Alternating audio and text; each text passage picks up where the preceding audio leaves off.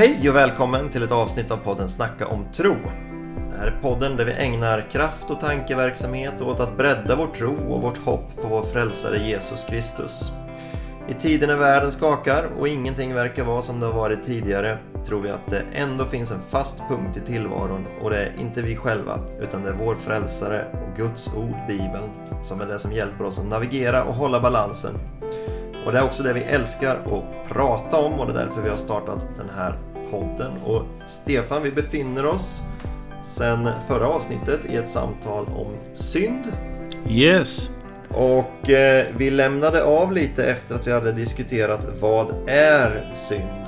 Mm. Vi sammanfattar inte det mer nu utan vi går direkt vidare för vi har bara en halvtimme på oss. och försöker komma till om, eh, Omvändelse. omvändelse från synd. Då. Ja, jag tänkte säga det. Förra avsnittet var ju det, tänkt att vara det sista avsnittet i en lite längre serie om just omvändelse. Och därför vill vi prata om vad omvändelse från synd var. Men vi hann bara prata om just synd. Och nu kommer vi till varför det är viktigt att ha i åtanke att vi måste omvända oss. Och vad det har med synden att göra. Vi hintade ju lite grann förra avsnittet. Vi gick inte så djupt på det. Men vi sa Mm. det att det finns dubbla utgångar. Det är det vi tror på. Det är det vi Ja, tror. Bibeln berättar. Det är himmel Mm. och det är helvete. Mm. Då kan man väl räkna ut eh, att eh, vi menar att omvändelse är ju att få till så att vi slutar i himlen istället för i helvetet då. Ja, men en, en snarare tillämpning. Eh, vi hade, du och jag pratade lite om två eh, bibelcitat inför det här avsnittet. Och jag slänger ut det första här då. Det är att eh, omvändelse egentligen, eh, det är ju en del av evangeliet så, som vi tänker oss det glädjebudskapet. Det låter inte så jättefräscht i moderna öron när, om man tänker sig liksom att det här med omvändelse innebär att ja, men sluta göra dumma saker. Oh, vilket glädjebudskap. Utan det måste ju förstås i sin kontext av att Jesus och innan, före honom, Johannes döparen säger omvänd er, himmelriket är nära, eller Guds rike.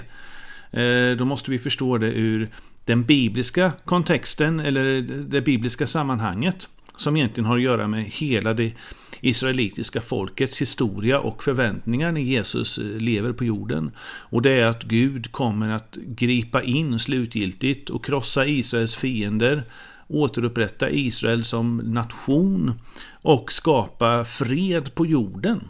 Eh, skapa ett, eh, som man kallar det ibland, messianskt rike. Det är det som Jesus först och främst avser med Guds rike.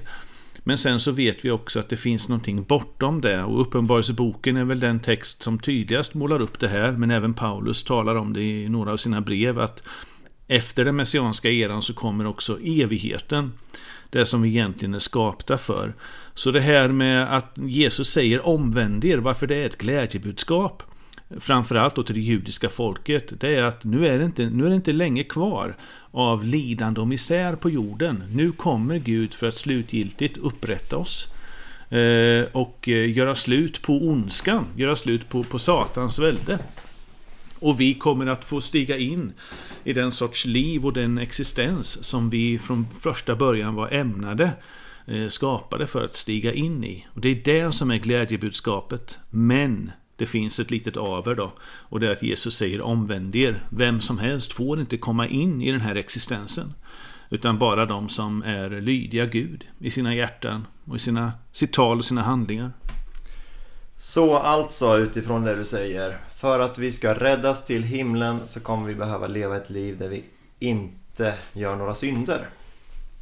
Är det rätt uppfattat? Det är ju den, krassa, den krassaste varianten. Att det, det är ju det här som gör att eh, evangeliet får sin utveckling från det Jesus säger eh, genom att han sen också dör och återuppstår och utgjuter sin ande. Eh, därför att själva omvändelsen, det är ju en riktning i våra liv. Vi vänder riktning från att liksom vandra mot mörkret så väljer vi att vandra mot ljuset. Men vi är ju inte fullkomliga. Vi snavar och vi, vi ramlar och vi, vi blir trötta på vägen och så vidare. Om, om man nu ska prata om olika metaforer. Eh, så att det finns ingenting i glädjebudskapet som kräver av oss att vi ska vara fullkomliga direkt där och då från det att vi tar emot budskapet och omvänder oss. Utan det handlar om att byta riktning i livet och eh, börja eh, söka Gud och finna en ny glädje i sitt liv över att få, få glädja Gud och veta att det kommer en tid då vi kommer få se Gud eh, efter fullaste förmåga och leva i en värld som är helt fantastisk jämfört med det som vi vandrar i nu. Eh, men eh, utgjutandet av helig ande, det är många bitar här som, som fylls på sen i det som blir det glädjebudskap som Paulus går ut med senare. Eh, där mottagandet av helig ande är jätteviktigt. Det, vi har ju pratat om Apostlagärningarna 2 där eh, Israels folk får helig ande och sen även då i Apostlagärningarna 10 när de första hedningarna får helig ande. Men att det blir liksom en, en, en viktig bärande princip i glädjebudskapet att om du är med på tåget här så kommer du få kraft av Gud att faktiskt göra det som är gott. Men sen läser vi Paulus brev att det innebär ju inte att någon blir fullkomlig i, i den här tidsåldern. Så att därför skulle jag säga att omvändelse handlar just om att ändra på sina prioriteringar och vad man, vad, sin förståelse av vad meningen med livet är. Mm. Vad är det som gör att en människa vill omvända sig ifrån synd? Är det bara att man... Eh, ja, en, en kan väl vara självrättfärdighet som det kallas då. Att jag faktiskt är medveten om att Gud finns och att han inte gillar synd. Mm. Och att jag försöker låta bli att synda för att göra mig värdig att komma hem till honom. Efter mm. att mitt liv är slut här. Och det kallar vi för självrättfärdighet just och det har blivit ett negativt ord. Det är ett negativt ord just för att ingen kan uppnå det. Som Paulus skriver att alla har syndat och saknar härligheten från Gud. Mm. Och eh, vi har ju det här med arvssyndbegreppet också. Att för mm. att Adam syndade så är vi alla syndiga. Mm. Vi har alla missat chansen att kunna bli räddade. På grund av att vi inte har någon synd. Därför att vi alla har den. Mm. Men så har ju frälsningen, och vi ska inte prata om, om just själva mekanismerna för frälsningen. Utan nu är det ju synden vi pratar om i det här mm. avsnittet. Men eh, Jo, det står ju också i, säger Paulus i Romarbrevet 6.23 att syndens lön är döden. Mm. Men Guds gåva är evigt liv genom Jesus Kristus, vår mm. Herre. Så helt enkelt, vi blir rättfärdiggjorda genom tro på Jesus Kristus då. Ja. Vad får det för konsekvenser då i våra liv? Eller det är där du, det är där du är inne på. Mm. Att eh, konsekvenserna blir ju de att vi går ifrån att inte bry oss om synd, kanske inte bry oss om andra människor, inte bry oss om sånt som, sånt som Gud skulle bry sig om.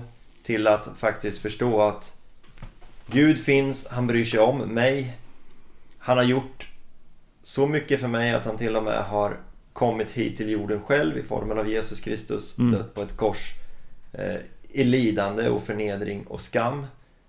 Just för att ta det som egentligen jag är eh, har kvalificerat mig för att behöva ta. Mm. Det här är ju så många aspekter i det men eh, vi tänker ju ofta först och främst juridiskt. Eh, som västerländska kristna. Att vi, och det står ju, det finns fog för det. Kolosserbrevet 2.14 pratar om att Jesus spikar våra skuldebrev på korset. Eh, det här att eh, vi är skyldiga till synder och därför så ska vi dömas. Är vi dödsdömda kan man säga. Eh, men en annan aspekt är ju också att vi i vår varelse är trasiga i vårt kött, i vårt DNA. Eh, våra kroppar så som de är nu är dödliga och det kan ingen komma åt. Det går inte att göra någonting åt. Eh, och sen finns det den andliga aspekten av att men våra, våra själar är kedjade till olika former av demoniska väsen. Det finns, det finns ett flertal olika sätt att förstå vad det är som händer när vi omvänder oss och vad det är för sorts liv vi ska leva efteråt. Ehm, har vi det här strikt juridiska perspektivet att eh, eh, omvändelse, eller, eller det Jesus gör är att frikänna oss från synd. Eh, och då så innebär det sen när vi är omvända att vi aldrig mer ska synda. Ja, då, då är det ju omöjligt. Helig Ande ger oss kraft Och eh, att, att göra det rätta, vi, om, om vi vandrar i anden så växer eh, andens frukter fram i oss och så vidare. Men eh, det är väldigt tydligt från eh, Paulus brev att eh, församlingsmedlemmarna blir absolut inte fullkomnade på något sätt. Ehm, har vi den här andliga aspekten som vi diskuterat tidigare, att vi lösgörs från demonerna. Ja, då finns det ju ändå sen till exempel i första Korintierbrevet 8-10, de, då menar jag kapitel 8 till kapitel 10, den här diskussionen Paulus för att vi måste fly avguderiet och inte ha någonting att göra med demonerna så är det ändå så någonstans där att eh, omvändelse är inte någonting som helt befriar oss från andliga impulser. Utan det handlar väldigt mycket om att säga, fortsätta säga nej till de andliga makter som vi tidigare varit slavar under. Eh, men det tydligaste med omvändelse det är just det här att ta emot heliande är ju en sorts pant för att vi ska levandegöras. Det syftar lite grann på, det är ju Hesekiel som har profetierna om att eh, de eh, torra benen, eh, skeletten här ska få muskler och senor och kraft att ställa sig upp. Men, och sen så ska de få helig ande i sig och bli levande. Eh, det här pratar ju Paulus om i Galaterbrevet 3 bland annat, att helig ande är det som levande gör. Att eh, även om vi skulle leva perfekta liv, om det nu skulle varit den enda funktionen med helig ande, så skulle det ändå inte göra oss till evighetsvarelser. Men helig ande kommer, det är, liksom, är panten för att Gud kommer att förvandla oss helt från vår nuvarande dödliga kropp, denna dödens kropp som Paulus pratar om i Romarbrevet 7, till en sorts härlighetskropp. Och i den kroppen så kommer vi inte längre kunna eh, synda. Eller snarare, eh, vårt hjärtas intentioner att glädja Gud kommer kunna uttryckas till fullo. Vi kommer inte längre att synda om vi inte väljer det. Och det är liksom poängen med omvändelsen, att vi säger nej till synden. Eh, så att eh, det här fullkomnandet ligger framför oss. Evigheten kommer vara ett fullkomligt tillstånd och vi kommer vara fullkomliga varelser. Men fram tills dess så har vi, finns bristen ändå kvar. Vad tror, du är, vad tror du är den vanliga orsaken till att människor vill omvända sig? För vi har nämnt tidigare under de här samtalen med omvändelse att omvändelse är inte en känsla i mig primärt. Jag menar, jag kan känna att jag vill omvändas men jag har inte omvänt mig bara för att jag känner någonting. Jag kan till och med känna att jag inte vill omvändas men jag kan omvända mig ändå för att det är ett viljebeslut som säger att från och med nu ska jag inte göra det här fel längre som jag hittills har gjort fel utan nu ska jag börja göra rätt. Till exempel mot min fru. Mm. Eller mot arbetskamrater eller eh, bara för mig själv. Liksom. Mm. Jag, jag, har eh, haft en dålig vana som jag inser är synd. Eller en dålig ovana som jag inser är synd. Och nu bestämmer jag mig för att sluta med den. Mm. Eh, omvändelse skulle jag säga, det handlar ju om att eh, helt stiga in i Bibelns berättelse om vad vi lever i för sorts värld och vart vi är på väg. Eh, för det här med dåligt samvete är i sig ingenting som har med evangeliet att göra. Eh, även om människor skulle inse att det finns synd och att de begår den och sen bestämmer sig för att inte göra den, så har det ingenting med omvändelse att göra enligt Jesu evangelium och det bibliska konceptet. Eh, det kan nödvändigtvis göra gott för dem när det kommer till domedagen, då det står att människor som, människorna som inte uppstod i den första uppståndelsen inför tusenårsriket.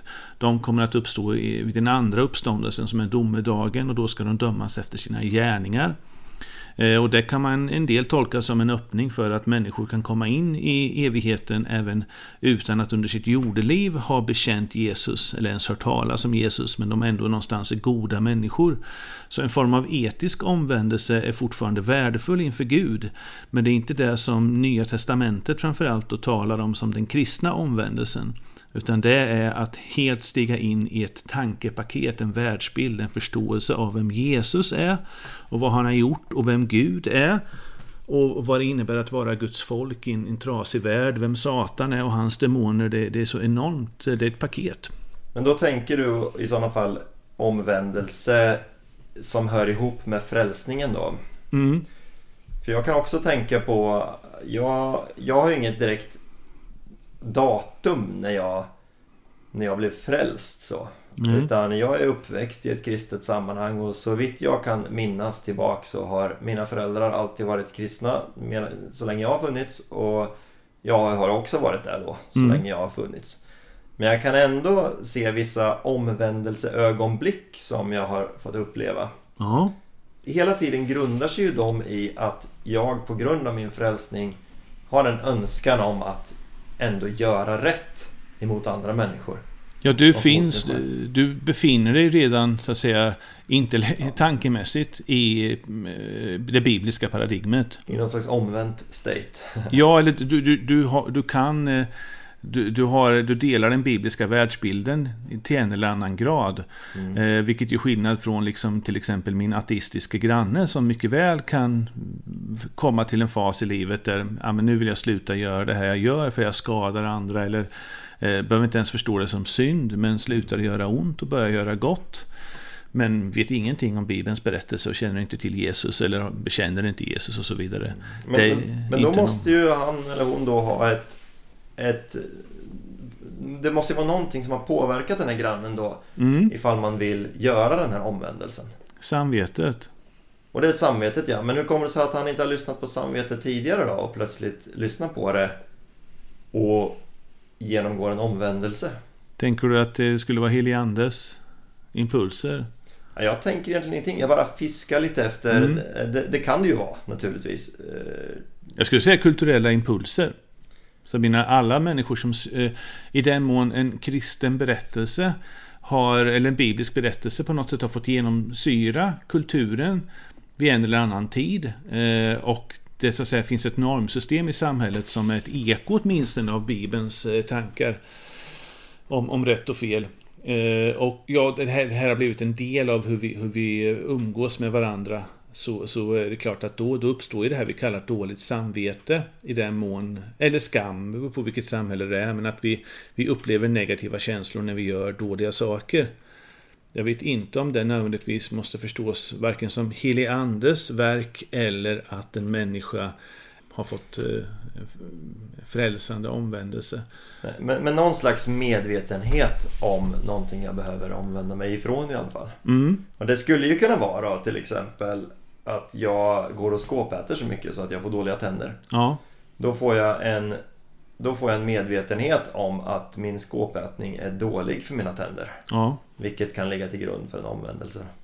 Men jag skulle inte använda ordet omvändelse då? Nej, nej, nej. nej. Mm. Ja, okej. Okay. Ligga till grund för en... Ändrad livsstil. Ja. Egentligen det är mina... Människor kan ju ändra på sitt sätt att leva. Eh, men mm. omvändelse är ju ett begrepp som jag bara kopplar till att man stiger in i, i Guds plan så att säga. Mm. Lite grann som Jesus säger när han eh, i, i Lukas evangeliet så står det liksom att, eh, kommer inte ihåg den exakta frasen, att eh tullindrivarna och syndarna kom till Johannes döparen och lät sig döpas till omvändelse men fariséerna och de skriftlärda ville inte underordna sig Guds plan någonting står det liksom. De ville inte mm. låta sig döpas av Johannes.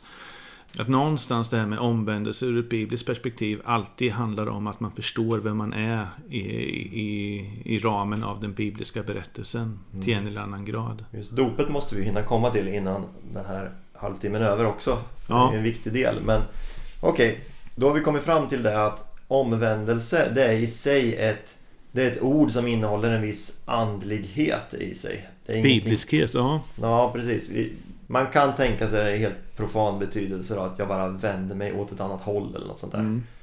Eh, slutar göra något och börjar göra något annat.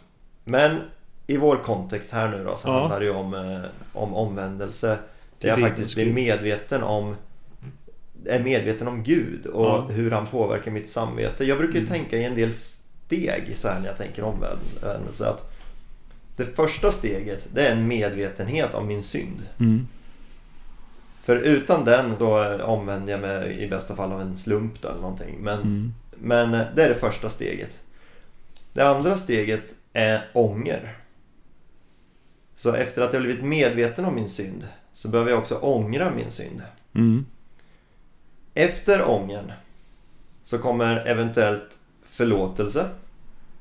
Att jag behöver förlåta mig själv mm. eller andra. Mm för att ha gjort den här synden. De här, jag har gått igenom de här stegen flera gånger mm. i olika i olika omvändelser som jag har gjort när det Mm. gäller, och som alla har börjat med en medvetenhet om synd. Mm. Jag berättade för några avsnitt sen hur Mm. Gud faktiskt uppenbarade för mig några av mina synder Mm. i rad.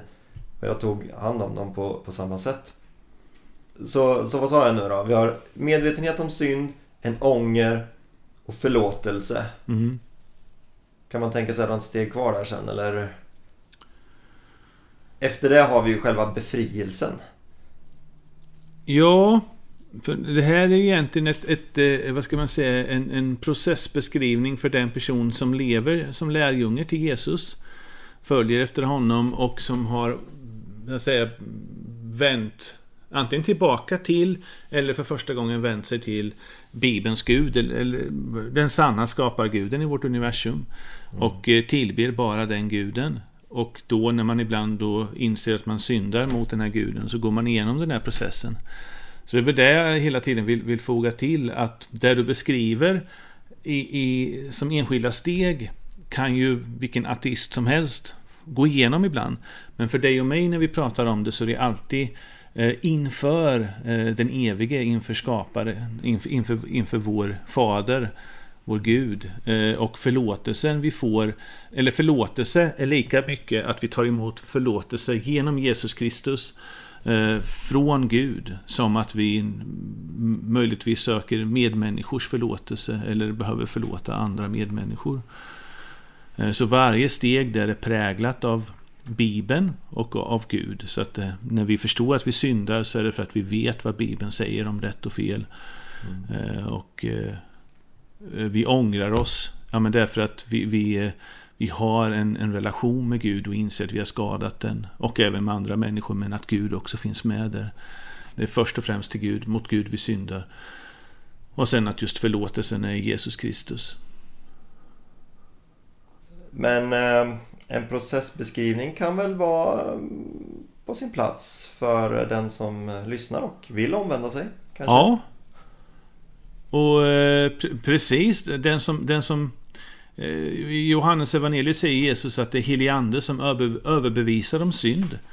Det är väl det jag, eh, som kan vara viktigt att nämna då att i den mån då en person som inte är troende plötsligt vaknar upp inför att Gud finns och att det kan vara Bibelns Gud som är den verkliga guden. Det är ju ett verk från helig ande. Mm.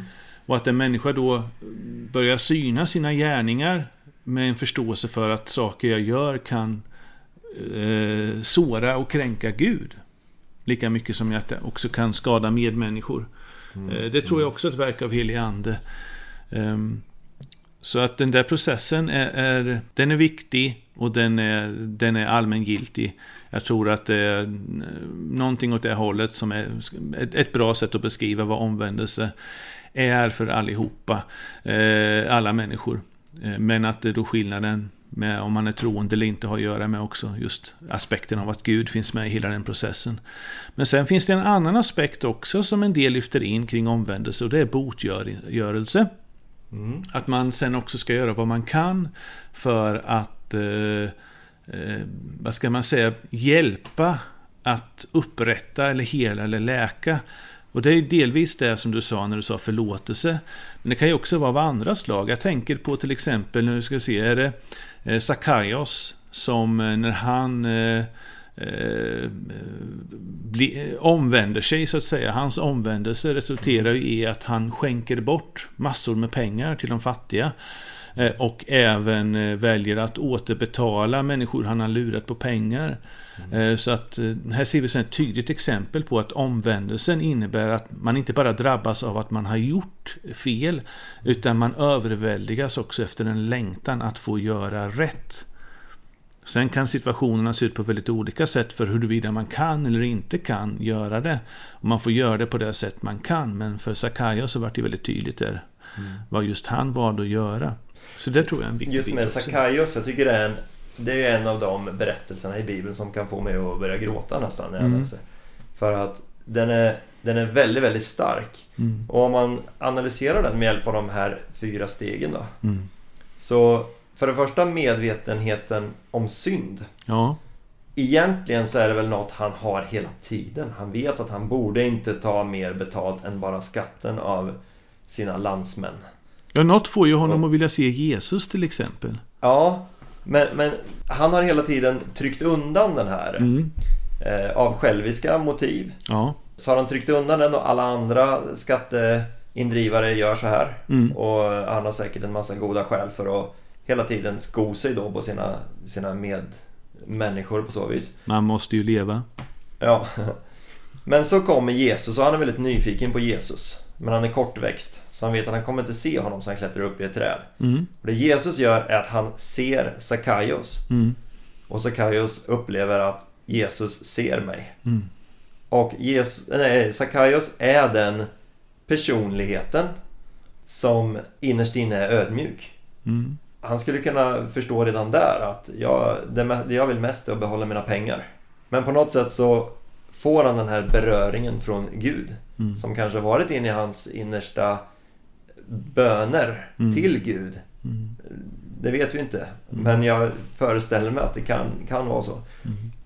Sen talar Jesus med honom och det Jesus talar igenom det är det att Sackaios sitter där och känner sig redan dömd. Mm. För han har dömt sig själv. Och tänkte att någon så rättfärdig som Jesus kommer inte ens vilja ha med mig att göra. Mm. Och så vill han det. Mm. Och, och bjuder hem sig själv till Sackaios då. Men, men där har vi då medveten uppenbarelsen om synd. Mm.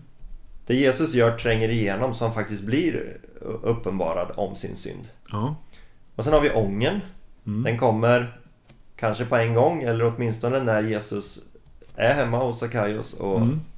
Vi, vi ser inte på något sätt att Jesus uppmanar Sackaios till att du måste ge tillbaks det som du har stulit. Nej. Så det är inte lagiskt på det viset utan det är Sackaios själv som ångrar det han har gjort. Mm. Eh, Och vad nämnde jag som tredje steget? Han ber om förlåtelse. Ja. I det här fallet motsvarar det att han ska betala tillbaks. Mm. Vad är det han säger? Fyrdubbelt till de som jag har tagit pengar ifrån. Ja, vi ska se här. Eh, hälften av det jag har, Herre, ger jag till de fattiga. Och har jag lurat någon på något betalar jag fyrdubbelt igen. Just det. Så det är en form av förlåtelse. Och sen har vi den här som jag bara nämnde jättesnabbt att Mm. bördan lyfts bort. Mm. Man, man ser i berättelsen hur Sackaios plötsligt får ett betydligt lyckligare liv. Ja. Ja, och, och det är ju det mötet med människor. Som man hör i väldigt många människors vittnesbörd av mä- människor som man känner som har kommit till omvändelse. Mm. Just Jesus visar sig för dem Ja. och visar att, vet du vad, trots din synd så älskar jag dig. Mm. Och det är det som leder till omvändelse. Till en äkta omvändelse och en äkta ånger. Ja, för Sackeus, det, Zacka- eh, Sackeus står det i Svenska folkbibeln, men Sackaios skyndade sig ner och tog emot honom med glädje. Eh, och just det här som han sen säger om att eh, skänka bort sina pengar. Att när vi förstår att Jesus älskar oss trots att vi är syndare, eller som eh, Paulus uttrycker i Romarbrevet 5, tror jag det är, att eh, Jesus stod för oss medan vi fortfarande var syndare, är ju absolut inte en glädje som innebär att man tror att man kan fortsätta vara i sin synd.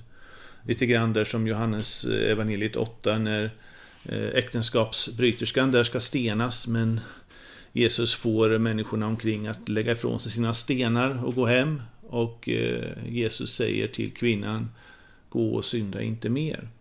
Att det här att möta Jesus är att inse att det finns nåd för mig som syndare. Men underförstått då i det att jag slutar att synda. Mm. Vilket är det man vill Mm, i det här fallet. ja. Om man inte upplever att jag vill sluta synda så är det inte en äkta omvändelse. Nej, då är det ett ögonkänneri, eller det är egentligen, det är, in- inför Gud är det ju ett vansinne eftersom Gud ser en cykleri, precis som vi pratade om Ananias och Safira för några avsnitt sen. Mm. Och inför människor kan det kanske funka en tid, men förr eller senare blir man genomskådad.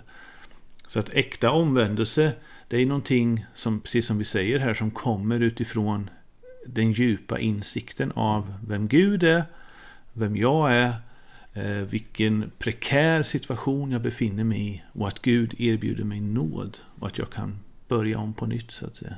Och ett sätt att få mer insikt i det är ju att också läsa Guds ord. Mm, Och börja varje dags läsning, ja, måste man inte, men eh, varje dag börjar jag min läsning med att säga Gud uppenbara något nytt Ja. i ditt ord idag för mig.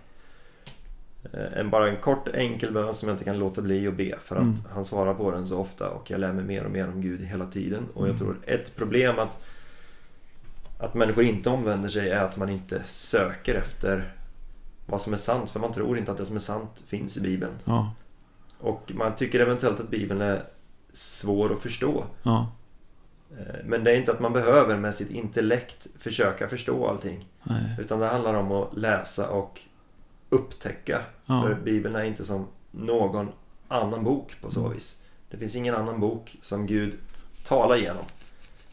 Ja, det är som när Jesus frestas av djävulen i öknen och säger att människan ska inte bara leva av bröd utan av varje ord som utgår ur Guds mun. Eh, Så är det ju verkligen det där att dels precis som vi behöver, behöver äta varje dag så behöver vi bibelordet varje dag.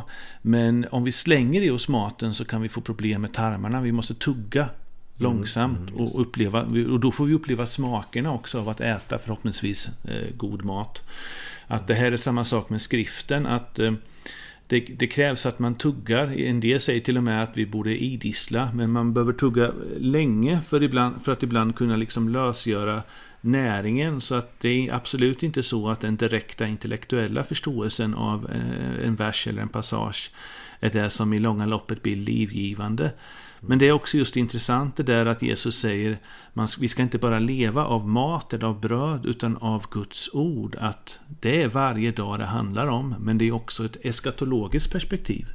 Att det här att få det eviga livet, att, eh, det bröd som kommer ner från himlen, det är det mannat som ger oss evigt liv. Så att vi behöver liksom äta av Guds ord kontinuerligt för att kunna komma in i evigheten.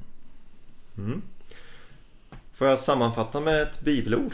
Yes. Jag tror att det här sammanfattar ganska bra. Mm. Jag läser det och sen så, sen så får du komplettera bibelordet ifall du tycker att det brister. Eh, Lite skämtsamt. Men Mm. ifall du tycker att det inte sammanfattar exakt det som vi har pratat om just det här avsnittet. Mm. Så här står det i första Johannes 1, 7-9. Det är Johannes som skriver alltså. Men om vi vandrar i ljuset liksom han är i ljuset, då har vi gemenskap med varandra och Jesu, hans sons blod, renar oss från all synd. Om vi säger att vi inte har synd bedrar vi oss själva och sanningen finns inte i oss. Om vi bekänner våra synder är han trofast och rättfärdig så att han förlåter oss våra synder och renar oss från all orättfärdighet. Mm. Så det där lägger väl till, eh, eller förtydligar det vi pratade om förut, att omvändelse är att bekänna sina synder. Och Mm. bekänna gör man till någon annan. Och då är det inte till en människa utan till Gud. Sen kan det vara en del av det att också tala till andra människor om det man har gjort mot dem. Men att bekänna, bekännelse är ju inför Gud. Gud vet att vi har synden. Så att vi vandrar i mörker om vi inte kan erkänna det inför honom. Min erfarenhet är ju att ju när man vandrar i det här mörkret och man har synder som man bär på i hemlighet tynger väldigt mycket. Men, Mm. men eh, när jag är fri från dem, när jag har omvänt mig från dem, då är jag också helt fri att prata om dem. Om det var saker som jag skämdes för innan så kan jag plötsligt börja prata om dem. Och det i sig innebär att jag in, inte heller faller tillbaks i synden. Mm. För att det bekräftar att jag är omvänd på något sätt. Det är ju som en saltasam där David säger Så länge jag eh, eh, höll tyst om min synd, jag minns inte den exakta översättningen där Så förgicks jag, men när jag bekände min synd Så eh, då fick jag liv igen. Jag kommer inte ihåg eh, exakt vilken saltasam det är. Låter det bekant? Vi letar upp den och skriver den i kommentarsfältet här. Ja. För som jag gör som jag brukar. Jag skriver alla berörda bibelord i kommentarsfältet. Och sen så... Och nu vill du säga någonting? Ja men det var ju psalm du? 32. Jag bara fick den direkt här. Så länge jag teg förtvinar mina ben och jag stönade dagen lång. Dag och natt var din hand tung över mig. Min kraft rann bort som i sommarens torka. Selah. Då erkände jag min synd för dig och dolde inte min skuld. Jag sade, jag vill bekänna mina brott för Herren. Då förlät du mig min syndaskuld. Selah. Och det här, nu kommer vi in på ett till intressant ämne precis när vi egentligen ska sluta här. så, så det här får eh, läsa eller lyssnaren upptäcka själv. Men Gamla Testamentet tänker man sig att det ska inte vara så fullt av nåd och, Mm. och förlåtelse Mm. som Nya Testamentet. För att Nya Testamentet har författarna ljuset av Jesu Kristi gärning på korset. Men läser man Saltaren och vishetslitteraturen och hela Gamla Testamentet egentligen så ser Mm. man hur Guds folket bara kastar sig på Guds nåd. Och Ständigt. ständigt ja. Mm. Men eh, tyvärr så hinner vi inte prata någonting om det. Så läs Gamla Testamentet säger vi bara. Ja. Och så var jag inne på någonting, just det att vi har en telegramkanal som Ja, ni gärna får eh, besöka och vara med i. Där skriver vi ja, när det händer något intressant, till exempel när vi släpper nya avsnitt. Och man kan också kommentera och kontakta oss där om man vill. I övrigt säger vi tack och hej!